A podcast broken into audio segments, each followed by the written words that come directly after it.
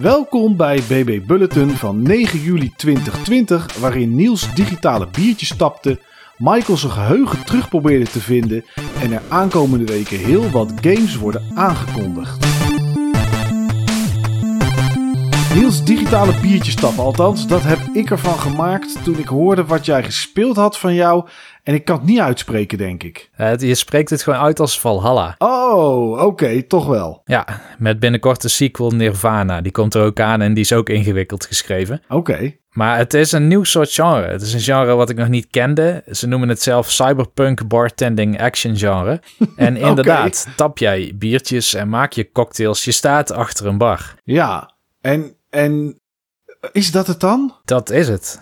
Maar dat is hetzelfde als bij Papers, Please. Daar controleer je paspoorten en documenten. Ja, en hier tap je, of tap je biertjes, maak je andere drankjes. Uh, het is niet echt dat je bier tapt of zo, omdat je een vat bier hebt. Maar altijd stel je drankjes samen. Dus je, alle drankjes bestaan uit een paar hoofdbestanddelen. Die hebben een paar rare namen die ik niet eens zou kunnen herinneren. Maar uh, laten we zeggen zoetheid, extra alcohol die verder geen smaak toevoegt. Of juist bitterheid of zo, dat soort dingen. En die samenstelling van ingrediënten die vind je ook in een, uh, ja, in, in, in, een, uh, in een boek, zeg maar. In een, niet een kookboek, maar, maar hoe maak je bepaalde cocktailsboek. Ja, gewoon receptenboek. Een receptenboek, ja. Er staan iets van 24 recepten in. En het zijn niet alle recepten. Er zijn ook nog wat extra geheime recepten. Je kan... Uh, bijvoorbeeld extra bestanddelen in winkels kopen en die kun je ook serveren. Maar wat je eigenlijk in deze game probeert te doen is de drankjes maken waar je klanten om vragen. En soms zijn ze heel direct in wat ze willen. Zeggen ze doe maar een bier, doe maar een grote bier. En dan moet je gewoon dubbele ingrediënten zeg maar erin stoppen en mixen.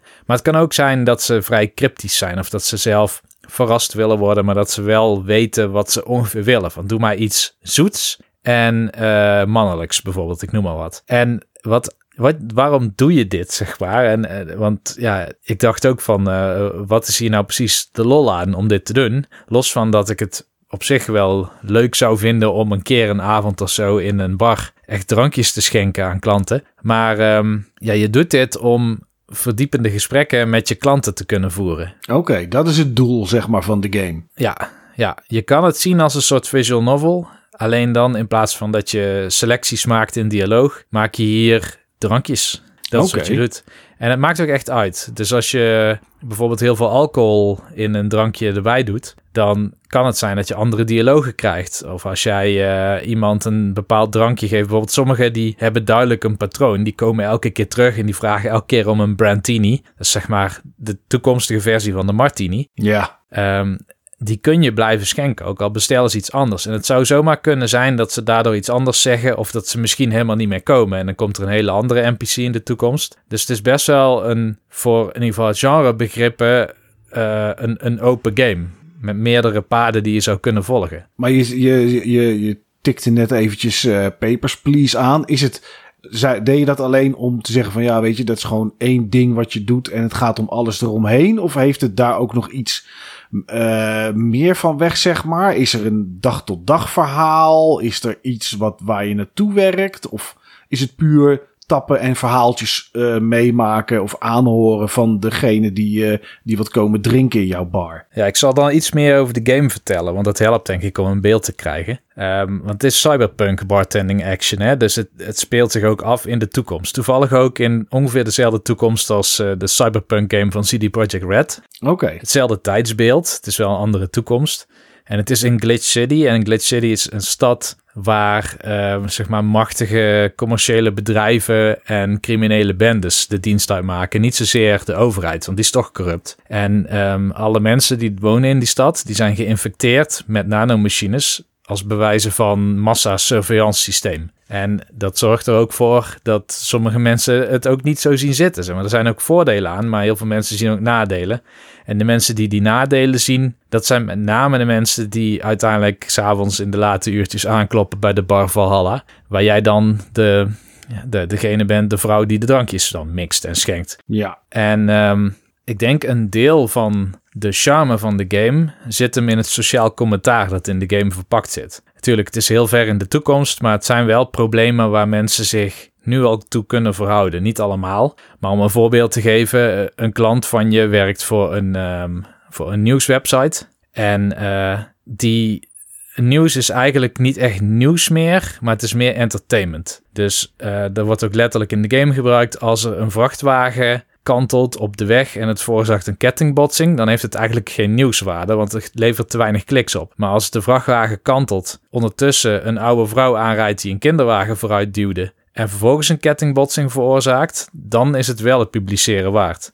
Dus ze zoeken echt sensatie en drama om te verkopen. Dat levert kliks op, dat levert uh, geld op. En het geld heeft hij nodig voor de plastische chirurgie van zijn dochters en zijn vrouw. En Hmm, bovendien, hij schrijft die artikelen niet zelf, maar dat wordt geschreven natuurlijk door zijn gratis stagiairs, die allemaal hopen op een vaste baan, maar die ze toch niet gaan krijgen. Dus het, dat soort achtergronden maak je mee. En het ook wel absurdistische. Dus je hebt bijvoorbeeld ook een, uh, een soort seksrobot in de toekomst. En zij is gemodificeerd om er uh, heel jong uit te zien.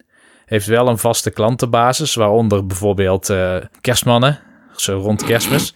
Oké. Okay. Ook allemaal tegelijk, als je begrijpt wat ik bedoel. Ja, ja, ja. En um, zij heeft dan weer een speciale ver verborgen uh, modificatie, die alleen een hacker, een andere klant, zeg maar, die af en toe in de bar komt, heeft opgemerkt. En dat is uh, een tong met een DNA-scanner erin. Oké. Okay. En het zijn dit soort dingen, zeg maar, die je steeds aan het denken zetten van zo, dat is wel een enorm dystopische toekomst ook. Ja, ja. Bijvoorbeeld die, die journalist, die drinkt eigenlijk praktisch alleen maar bier. Maar je kan ook stiekem meer alcohol in het bier stoppen. En dan wordt hij ook eerlijker en transparanter naar je. Hmm.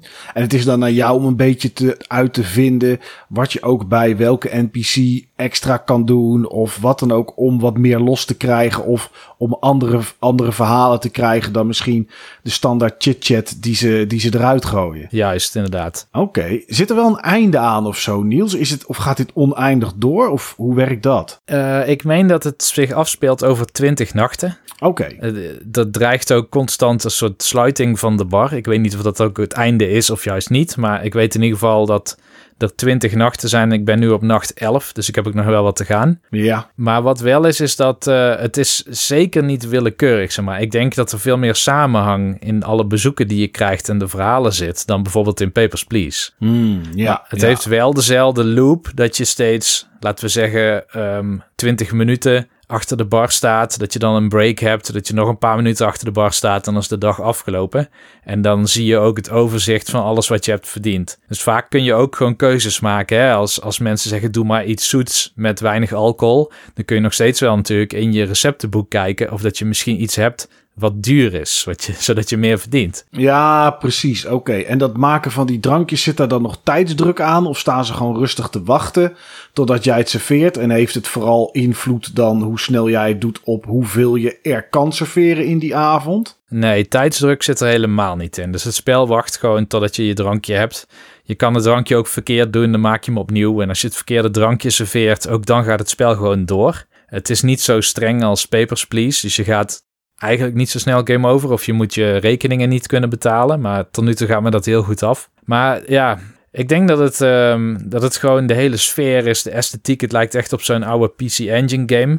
Waarbij ja. eigenlijk driekwart van je scherm is je UI. En een heel klein stukje is zeg maar uh, het beeld wat je, de blik die je hebt op je klanditie. Um, je hebt een jukebox.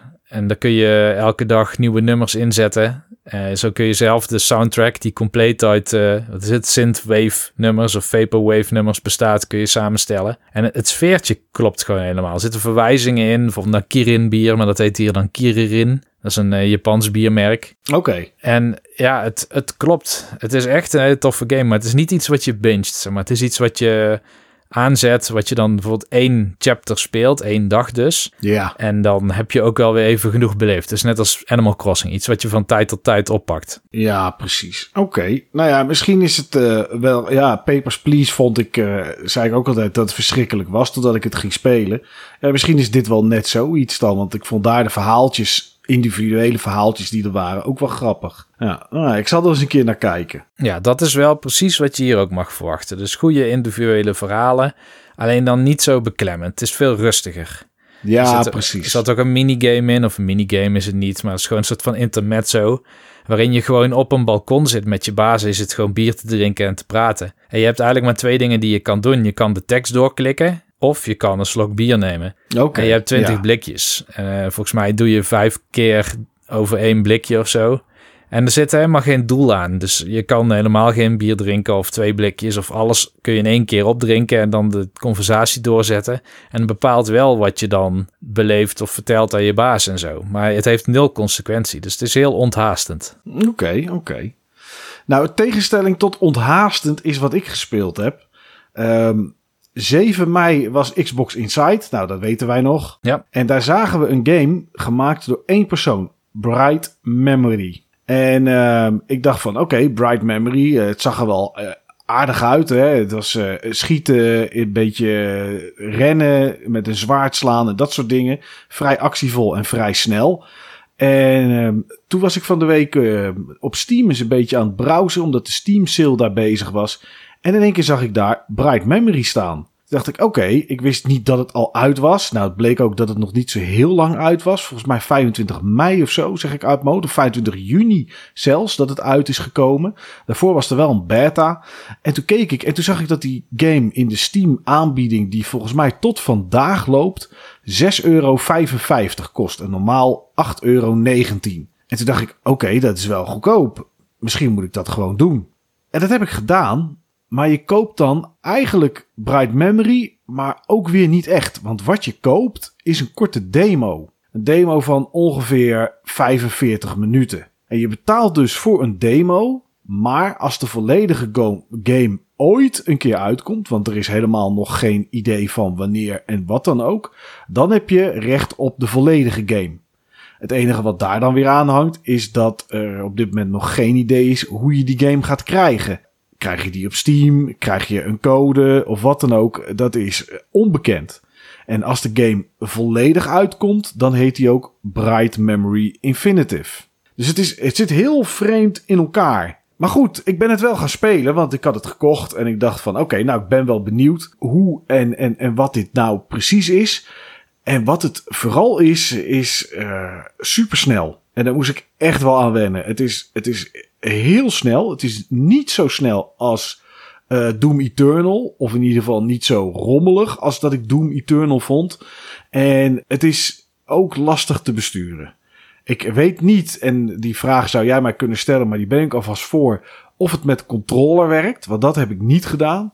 Maar eh, je hebt enorm veel knoppen. Je hebt sowieso heb je de standaard eh, WSAD om te lopen op je toetsenbord.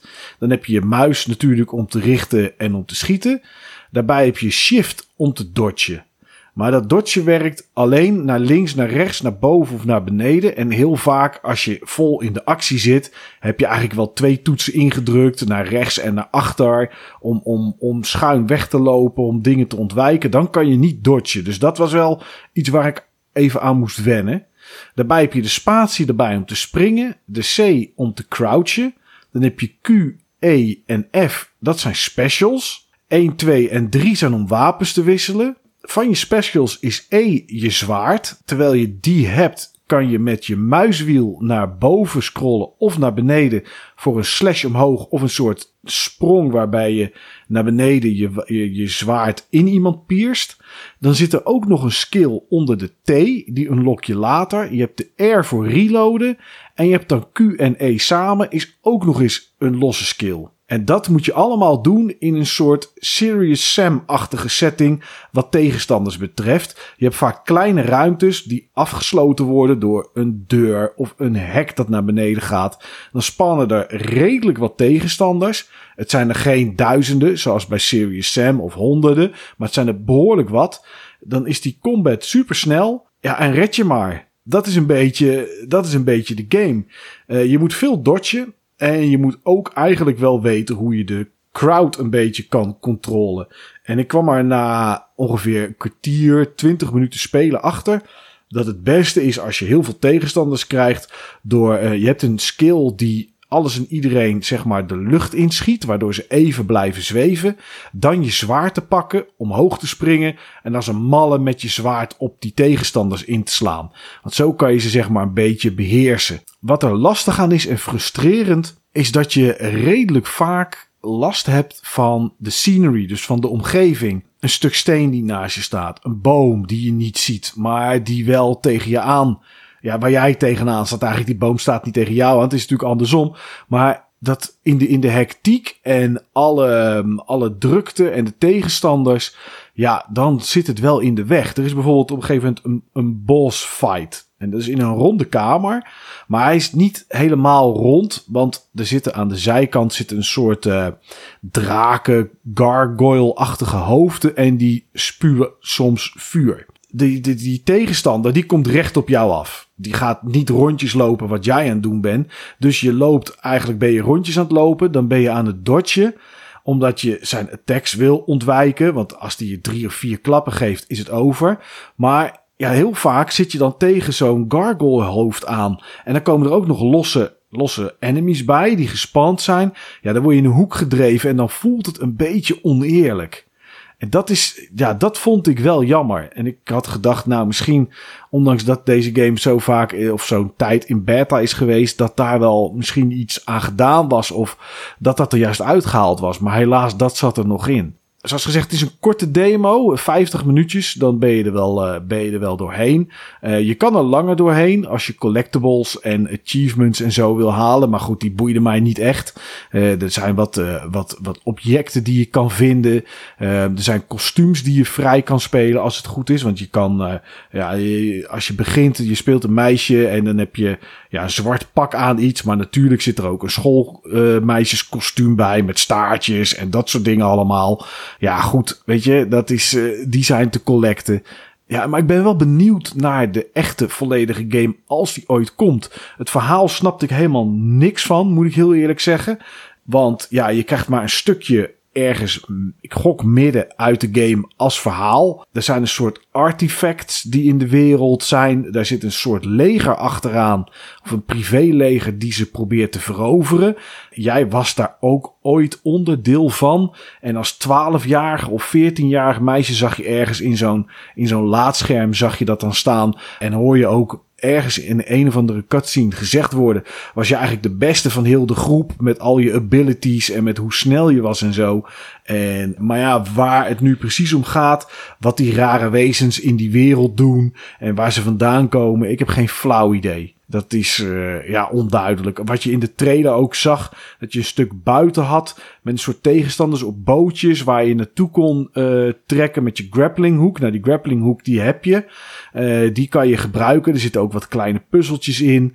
En, en die kan je nu al, dat kan je nu al doen. Je kan met die grappling hook je naar bijvoorbeeld een, een vleermuis trekken, zodat je in de lucht kan schieten of met je zwaard kan slaan. Het zijn vooral die combo's waar het om gaat. Je hebt ook rechtsbovenin een tellertje. Die begint op A-rank en dan B en dan C of andersom. En dan gaat het naar S en dan naar SS en dan naar drie keer S. Ja, weet je, dat, dat is waar de game het meeste om draait. Zoveel mogelijk combo's maken om alles te slopen. Die auto die je in de trailer zag, die, uh, die zit hier ook niet in. Dus ja, er is wel al meer, denk ik.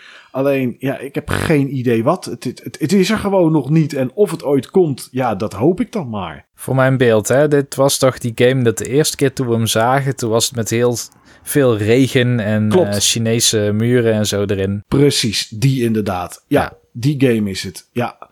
En uh, ja, ik weet ook niet, misschien is het wel een heel slim principe, hè, dat je, uh, het is natuurlijk een kerel in zijn eentje, hij maakt alles. Dus hij maakt ook deze demo en zet die te koop voor een, voor een paar euro. Want ja, goed, nu aanbieding is dan 6,55, maar normaal is die 8,19 euro. Ja, op zich vrij prijzig, denk ik, voor iets dat drie kwartier duurt. Uh, aan de andere kant, ja, je, het is geen crowdfunding die die doet, maar je bekostigt wel zijn tijd, denk ik, om de volledige game te gaan maken. En dat is, ja, en, en die krijg je dan, hoop je, ooit misschien. Dus ja, misschien is dit wel een hele slimme, hele slimme opzet voor de toekomst. Ik heb geen idee. Maar ja, het, was er nu al. Dus ik denk, ik ga niet wachten tot uh, de Xbox Series X. Daar werd hij ieder geval getoond. Ik uh, bedoel, wil niet zeggen dat hij alleen daarop uitkomt. Maar ik dacht van ja, weet je, uh, ik ga niet wachten op een Xbox Series X als ik dat nu al kan spelen. Dus ja, het is een soort Serious Sam met iets minder, iets minder tegenstanders tegelijkertijd. Maar wel het idee gewoon maaien, maaien en, en nog eens maaien. En, en dat dan in wat kleinere ruimtes. Maar misschien komen er ook wel grotere ruimtes. Er zit ook één bossfight in. In een, in een wat groter gebied. Een open gebied, wat wel dan afgekaderd is door bergen die eromheen zitten. En uh, ja, met ook nog losse tegenstanders erbij en die boss. En ja, dat maakt het wel. Uh, ja, het maakt het af en toe wel een beetje intens. Dat wel. Dus uh, hmm. ja, goed. Wie weet, als iemand denkt van... hé, hey, ik heb het gezien en ik wil het wel proberen. Ja, het, het is op Steam. En als het goed is, als ooit de volledige game komt... Er stond bij dat er nog geen idee was hoe. Maar dan zou je ook uh, recht hebben op die volledige game. Vanaf dit weekend uh, ja, gaan we eigenlijk een soort uh, tweede, misschien tweede E3 moment in. Moet ik het zo noemen, Niels? Want we krijgen dit weekend twee ja, directs slash presentaties om onze kiezen. Ja, nou ja, ze noemden het de Summer of Games, hè? Ja. Het doet voor mij wel onder ten opzichte van E3. Ik merk wel... Ik ook. Gewoon gecondenseerd, gewoon een hele week dat je naar uit kan kijken en dat je ook uh, makkelijk met elkaar kan vergelijken. Dat vind ik eigenlijk veel leuker dan dit. Ja, ja, dat is ook zo. Maar goed, de eerste is aanstaande zaterdag 11 juli om 9 uur s avonds de Devolver Direct. En dat is, uh, nou ja, vooropgenomen en lijkt op iets waar we het zo ook nog even over gaan hebben. Wat jij uh, in ieder geval gisteren. Oh, ik heb het ook gezien. Oh ja, uh, beetje met, nou ja, beetje met humor is het vaak, comedy-achtig. Ja, ik heb geen idee wat we allemaal mogen verwachten, behalve Shadow Warrior 3. Dat is in ieder geval iets dat we zeker weten dat we te zien krijgen. En misschien ook wel Serious Sam 4, want die hebben ze ook ooit aangekondigd. Uh, ga je kijken naar uh, Devolver Direct zaterdag nieuws? Ik denk het wel. Het hangt een beetje af. Ik heb zaterdag uh, afgesproken met Nesrunner om Trials of Mana weer op te starten. Oh, oké. Okay. En dat is lang geleden. Dat was ehm, ja, misschien begin dit jaar of zo. En toen kwam corona tussendoor. En sindsdien zijn we eigenlijk nooit meer bij elkaar gekomen om te gamen. Nee. Maar dat gaat er wel van komen. Maar ik denk wel dat ik pauze maak voor de Devolver Direct. Want vorig jaar vond ik hem heel goed. En uh, Katana Zero is zo'n game bijvoorbeeld die er vandaan komt. Ja. Dus ik, ik heb er best wel hoge verwachtingen van. Ja, My Friend Pedro was vorig jaar volgens mij uh, mm -hmm. zo'n game die, uh, die, die, ja, die veel mensen interessant vonden. Dus er zaten inderdaad... Ja, er zitten eigenlijk altijd wel interessante titels tussen. Devolver is, nou ja, is toch wel een grote... klinkt raar, maar voor indie uit, uitgevers is het best wel een grote.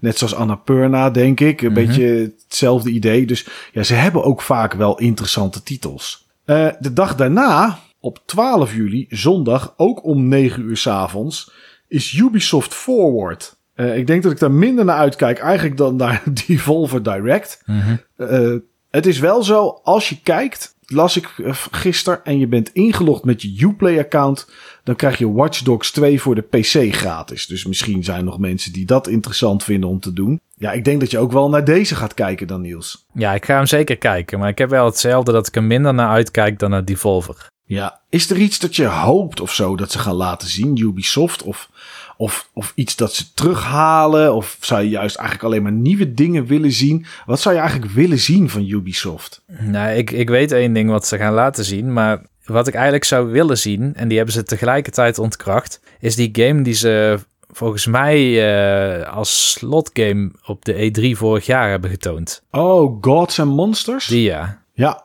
ja, dat, die zou eigenlijk al afgelopen februari zou die eigenlijk al uitgekomen zijn. Volgens mij 14 februari. Mm -hmm. uh, of 28 of zo. Ergens rond die periode. Tweede helft februari. Maar die werd natuurlijk vorig jaar hebben ze eigenlijk al hun games uitgesteld. Dat was volgens mij nadat, even denken hoor, Breakpoint was uitgekomen. En uh, Tom Clancy game. En die was, was zo slecht ontvangen. Het was zo beroerd dat ze gezegd hebben om de kwaliteit te verbeteren van onze games. Ja, gaan we uh, voorlopig alles even uitstellen. Ja, daarna kwam corona. Dus het is sowieso wel. Uh, het is sowieso wel. Uh, ja, ben, ben sowieso benieuwd wat ze dan gaan doen, inderdaad. Maar ja, ik, ik hoop dat we die inderdaad wel te zien krijgen. En uh, nou, we krijgen natuurlijk de nieuwe Assassin's Creed te zien. Dat kan natuurlijk niet anders. En ik denk dat ze dit keer wel gameplay laten zien. Mm -hmm. Ja, en voor de rest heb ik geen idee eigenlijk. Ja, weet je, er zijn wel dingen die ik zou willen. Ik zou wel een nieuwe Rayman willen, omdat ja, ik vond die laatste leuk. Uh, een nieuwe Prince of Persia, maar dat gaat volgens mij denk ik niet meer gebeuren. Um, dat zou dat wel een goede beetje... zijn, Prince of Persia, ja. Ja, maar ik heb toch het gevoel dat ze dat een beetje verwerkt hebben in, uh, in Assassin's Creed. Met uh, muren rennen, klimmen en dat soort dingen allemaal. En dat ze dat toch een beetje daar houden. Ja, en uh, Beyond Good in ieder geval 2 zullen we wel weer iets over te zien krijgen. En dat zal dan wel weer naar 2025 gaan of zo. En dat is volgens mij een project dat nooit afkomt. Ja, en voor de rest zou ik het eigenlijk niet weten wat ze moeten laten zien dat interessant is. Maar ja, goed. Het is in ieder geval 12 juli, aanstaande zondag om 9 uur s avonds. Uh, ja, terug eventjes naar wat ik er net zei. Devolver Direct, dat is zo'n vooropgenomen show. Dat zal denk ik die van Ubisoft ook zijn. Maar jij hebt, als het goed is, en ik ook, maar jij hebt meer op zitten letten. Gisteren gekeken naar de Limited Run Mhm. show, Direct. Ik weet niet hoe ze het eigenlijk precies noemen. Limited Run Games 3 stond er ook linksbovenin. Er werden een hoop games getoond. Eh, ja, wat zat er tussen voor jou dat interessant was, Niels? Ja, ik had heel snel mee zitten schrijven. Want uh, wat ik mooi vind hè, aan limited run games, en dat zullen sommigen ook wel het nadeel vinden, maar eigenlijk is het een soort van best-of van vorig jaar. Dus wat is Hmm, nou ja. de, eigenlijk de top van vorig jaar, wat niet al fysiek is uitgekomen, of wat niet groot genoeg was om fysieke oplagen te legitimeren? En dan hebben we het vaak over eh, zo'n beetje alle nominaties in de beste narrative of beste indie game categorie, dat soort dingen. En een paar games die bijvoorbeeld eh, remastered zijn van de Dreamcast of, of de, de, de Sega, eh ja, noem eens wat, Saturn of zo. Ja, ja, Game Boy Advance zat er dit jaar ook tussen. Ja, Game Boy Advance en een PlayStation VR game. Maar wat er voor mij bovenuit kwam, hè, ehm, is niet zoiets als eh, Castlevania Collection. Ik bedoel, ik heb de Castlevania games al op de NES en op de Nintendo 64 en de SNES en op de PlayStation. Dus eh, ja, zo'n collectie voegt voor mij eigenlijk niet echt iets toe. Maar ehm, ik, eh, Return of the Obra Dinn, daar ben ik zeer Ja. benieuwd naar. Heb ik expres digitaal niet gekocht, omdat ik wist dat er ooit een fysieke zou moeten komen. Dit is eigenlijk een soort Batman Arkham game waar je van die, eh, van die detective momenten had. Zeg maar, dat je de tijd kon terugspoelen om te zien hoe iets gelopen is. Ja, ja, ja, en het ziet er nog steeds grafisch, vind ik het nog steeds super interessant uitzien. Ja, Het is volgens mij twee kleuren, om het maar heel overdreven te zeggen. En het is pixelachtig en, en, en lijnen, maar het ziet er ook super vloeiend uit. Als je, je zag een boot en dan zag je een soort vlag iets of een gescheurd ehm, zeil, zeg maar, wat je kan hijsen, zag je eraan hangen. En dat dat, die bewegingen waren super vloeiend. Dat zag er echt heel gaaf uit. ja het is ook gewoon een 3D-game, maar ze hebben het een beetje net als eh, vroeger van die Hercules video-adapters. Ja. Dat ze monochroom zijn en heel veel dithering om eh, gradients te suggereren. Maar die vind ik heel tof. Eh, een game waar ik heel erg geïnteresseerd in ben, maar die ik nog niet kende, was Where the Water Tastes Like Wine. Oh ja, die zag ik ook voorbij komen inderdaad. Ja, ik heb even uit moeten zoeken wat het was. Het zag er cool uit, maar ik wist niet wat het nou precies deed. Maar het is een soort story collector game. En wat je dan moet voorstellen is dat je een soort backpacker of troubadour of zo bent. Die door een, eh, een oud, donker historisch Amerika uit volksverhalen trekt. Om Mhm. verhalen te, te horen, maar ook te verspreiden. Dus eigenlijk leg je een soort van inventory van verhalen aan. Die je vervolgens ook weer kan delen met anderen om weer nieuwe verhalen te horen. Oké, dat is wel apart. Eigenlijk een beetje zoals eh, Valhalla, alleen dan zonder ze te delen. Want daar sta je achter een bar en probeer je verhalen los te krijgen. Ja, nee, net als Valhalla heb ik het idee dat dit een nieuw genre is. En daarom ben ik er Ja. benieuwd naar. Dus die eh, Grandia 1 plus 2 HD. Ja, zag ik inderdaad ook. Ja, ik wachtte bewust ook hier op een fysieke versie. Ook de digitale is een paar keer gepatcht. Maar de fysieke versie zou ik zeker wel willen hebben, want ze zijn volgens mij veel te duur als je ze op de originele systemen zou willen hebben. En eh, Katana Zero is een game voor eh, mensen die bijvoorbeeld ook Celeste heel leuk vonden. Maar waar Celeste vooral over platforming gaat, gaat Katana Zero meer over actie. Maar je bent gewoon in één klap dood. Dus je moet eigenlijk in een soort eh, flow zitten. Want je, je slaat met je katana zwaard ook alles in één keer door midden. Maar alles schiet op jou of beweegt, zeg maar. En dan kun je volgens mij ook tijd manipuleren. Ziet er heel erg cool uit. Werd ook heel hoog beoordeeld. Ja, ja, dat is een game die wel op mijn lijstje staat om een keertje te kopen en te proberen inderdaad ook. Ja, volgens mij Kunai heet het, geloof ik. Dat is een eh, Metroidvania van een Nederlandse developer. Zag er ook Oh, heel cool uit. Van eh, Turtle Blaze is die, eh, is die game. Je bent een soort van game ja, monitortje, zeg maar, een tablet. Eh, het heeft drie kleuren in plaats van twee. Eh, maar het zag er in ieder geval heel erg eh, smooth uit qua controls. Eh, mooie actiescènes en zo.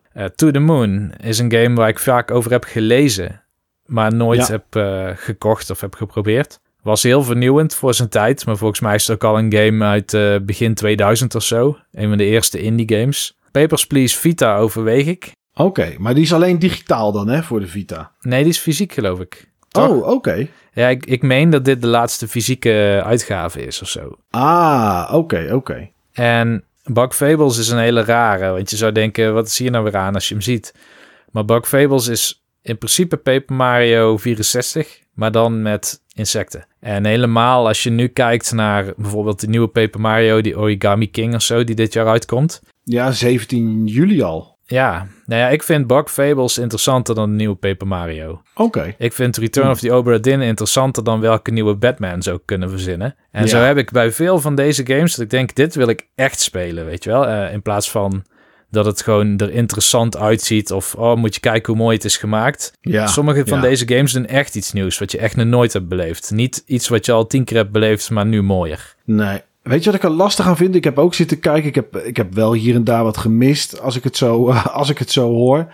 Ik, ik, ik, ik vind het lastig dat, ehm, dat je er vaak snel bij moet zijn. Want anders is het uitverkocht. Ja. En dan komt het gewoon nooit meer. Of je moet het voor nog meer geld op eBay gaan kopen. Ehm, dat vind ik er lastig aan. En wat ik er zelf ook lastig aan vind, is dat in mijn hoofd zijn al die games die je voorbij ziet komen eigenlijk gewoon digitale games. En zo zie ik ze ook. En zo beoordeel ik het zeg maar ook. En dan vind ik het lastig om te bepalen als ik er naar kijk dat ik denk, oké, zou ik dit fysiek gaan kopen of is dit voor mij gewoon echt allemaal digitaal spul? Ja, ja, Snap je? Dat, dat, vind ik er, dat vind ik er lastig aan. Want Ik zat bijvoorbeeld Katana Zero zag ik voorbij komen. En ik weet, ik heb ooit eens een keer, eh, volgens mij was het de broer van, het broertje van Johan van Praatje Podcast heb ik er ooit een keer over gehoord. Want die had het gespeeld. En, ja dat klopt ja. ja, en die legde het ook netjes uit en zo. En toen dacht ik, oké, dit is een game die eh, zet ik wel op mijn watchlist. Dat wil ik wel een keertje kopen.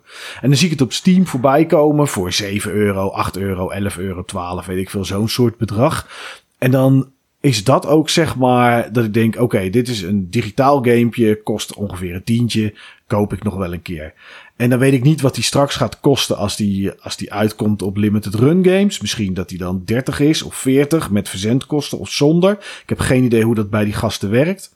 En dan denk ik van ja, maar dat is helemaal, dit is helemaal niet een game die, eh, waarvan ik niet wil zeggen dat het het niet waard is, maar die dat voor mij dan niet is, zeg maar. Hm. Dat, is, ja, dat werkt heel, heel vreemd. Eh, Papers, Please, ja, weet je, het zou ik aan de ene kant lachen vinden om die digitaal of om die fysiek te hebben, maar het is voor mij een digitaal gamepje.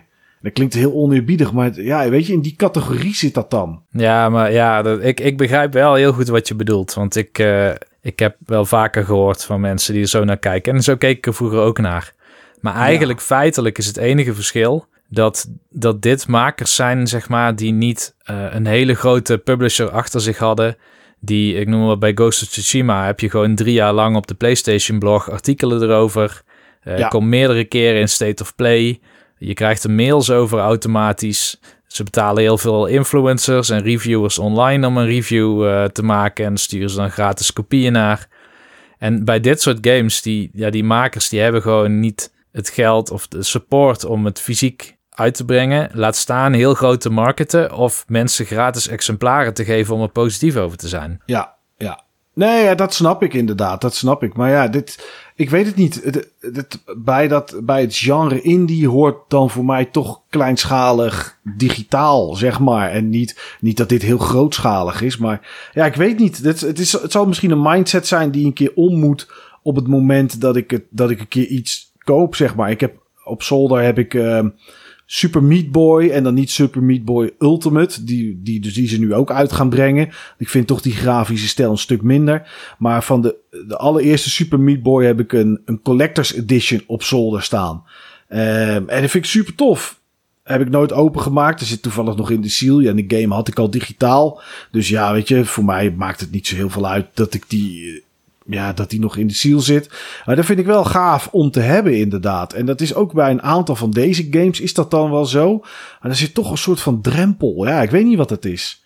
Het enige dat ik echt dacht van, oké, dit wil ik eigenlijk wel hebben, is het allerlaatste wat ze heel snel lieten zien. Ergens in oktober of zo komt er geloof ik een Monkey Island Collection uit met 1 tot en met 5, om het maar even zo te noemen. 1 tot met 3, toch? Hè, volgens mij zaten er meer in. Volgens mij zaten er meer games in. En dan dacht ik, denk, van, ja, dat is voor het nostalgische gevoel zou ik dat dan wel willen hebben, zeg maar. Ja. En, eh, maar ja, weet je, als ik het niet heb, vind ik dat dan ook weer niet zo heel erg. Dus ja, dat heb ik misschien, dat is het misschien wel. Ik zou het leuk vinden om sommige games dan fysiek op die manier te hebben. Maar als dat niet is en ik heb digitaal, ja, vind ik het ook niet erg. Nee, precies. Ja. 23 juli, dan, ehm, ja, dan is Microsoft's moment om eh, terug te slaan na de laatste persconferentie of persmoment van Sony. Om 6 uur s avonds, dus donderdag 23 juli om 6 uur s avonds, komt Microsoft met de Xbox Game Show. Waarbij ze, ja, ik weet niet of ze van alle eigen ontwikkelaars dingen gaan laten zien. Maar ze gaan in ieder geval laten zien wat voor first-party games zij eh, in ontwikkeling hebben. Dus nou ja, in ieder geval Halo krijgen we te zien, want dat weten we natuurlijk dat die er is. Ja, en voor de rest hoopt iedereen op een nieuwe Fable, op, op ja, Forza. Ik weet niet of iedereen daarop hoopt, maar die zal er ongetwijfeld bij zitten. Er zullen een hoop games zullen daar uh, tussen zitten. We weten nog niet hoe lang die show duurt. Uh, maar het gaat in ieder geval om de games. Dus de kans dat er uh, aangekondigd wordt wat de Xbox Series X gaat kosten, die is ja toch wat klein. Maar ja, we gaan het zien. Wij zullen in ieder geval ja, diezelfde avond daar verslag van doen, Niels, in uh, BB. Dat lijkt me wel, ja. Dat ja, lijkt me wel. zeker. ja, ja, ja. Uh, Uplay Plus, dat is uh, Uplay is het platform van, um, uh, van Ubisoft. Dat is tot en met 27 juli gratis te proberen. alle games die daarop staan. Dus nou ja, dat is ja, alles wat je kent van Ubisoft zit daar ongeveer in. Dus nou ja, als je daar interesse in hebt, dan kan je dat checken tot 27 juli in ieder geval gratis. Donkey Kong Country komt naar Switch Online in juli. Dat vond ik wel een leuke toevoeging, Niels. Dat is dat zijn toch echte classics. Ja, het gaat wel traag met die echte classics. Ik bedoel, ze zitten echt op een goudmijn aan classics. En dan komt ja. Donkey Kong Country, een of andere wazige worstelgame en ja, een hele trage NES-game. Ja, die had ik niet eens genoteerd. Ik denk Donkey Kong Country, dat is leuk. Maar inderdaad, het is... Uh, nee, maar het is wel een goede titel, dat is waar. Ja, ja. ja.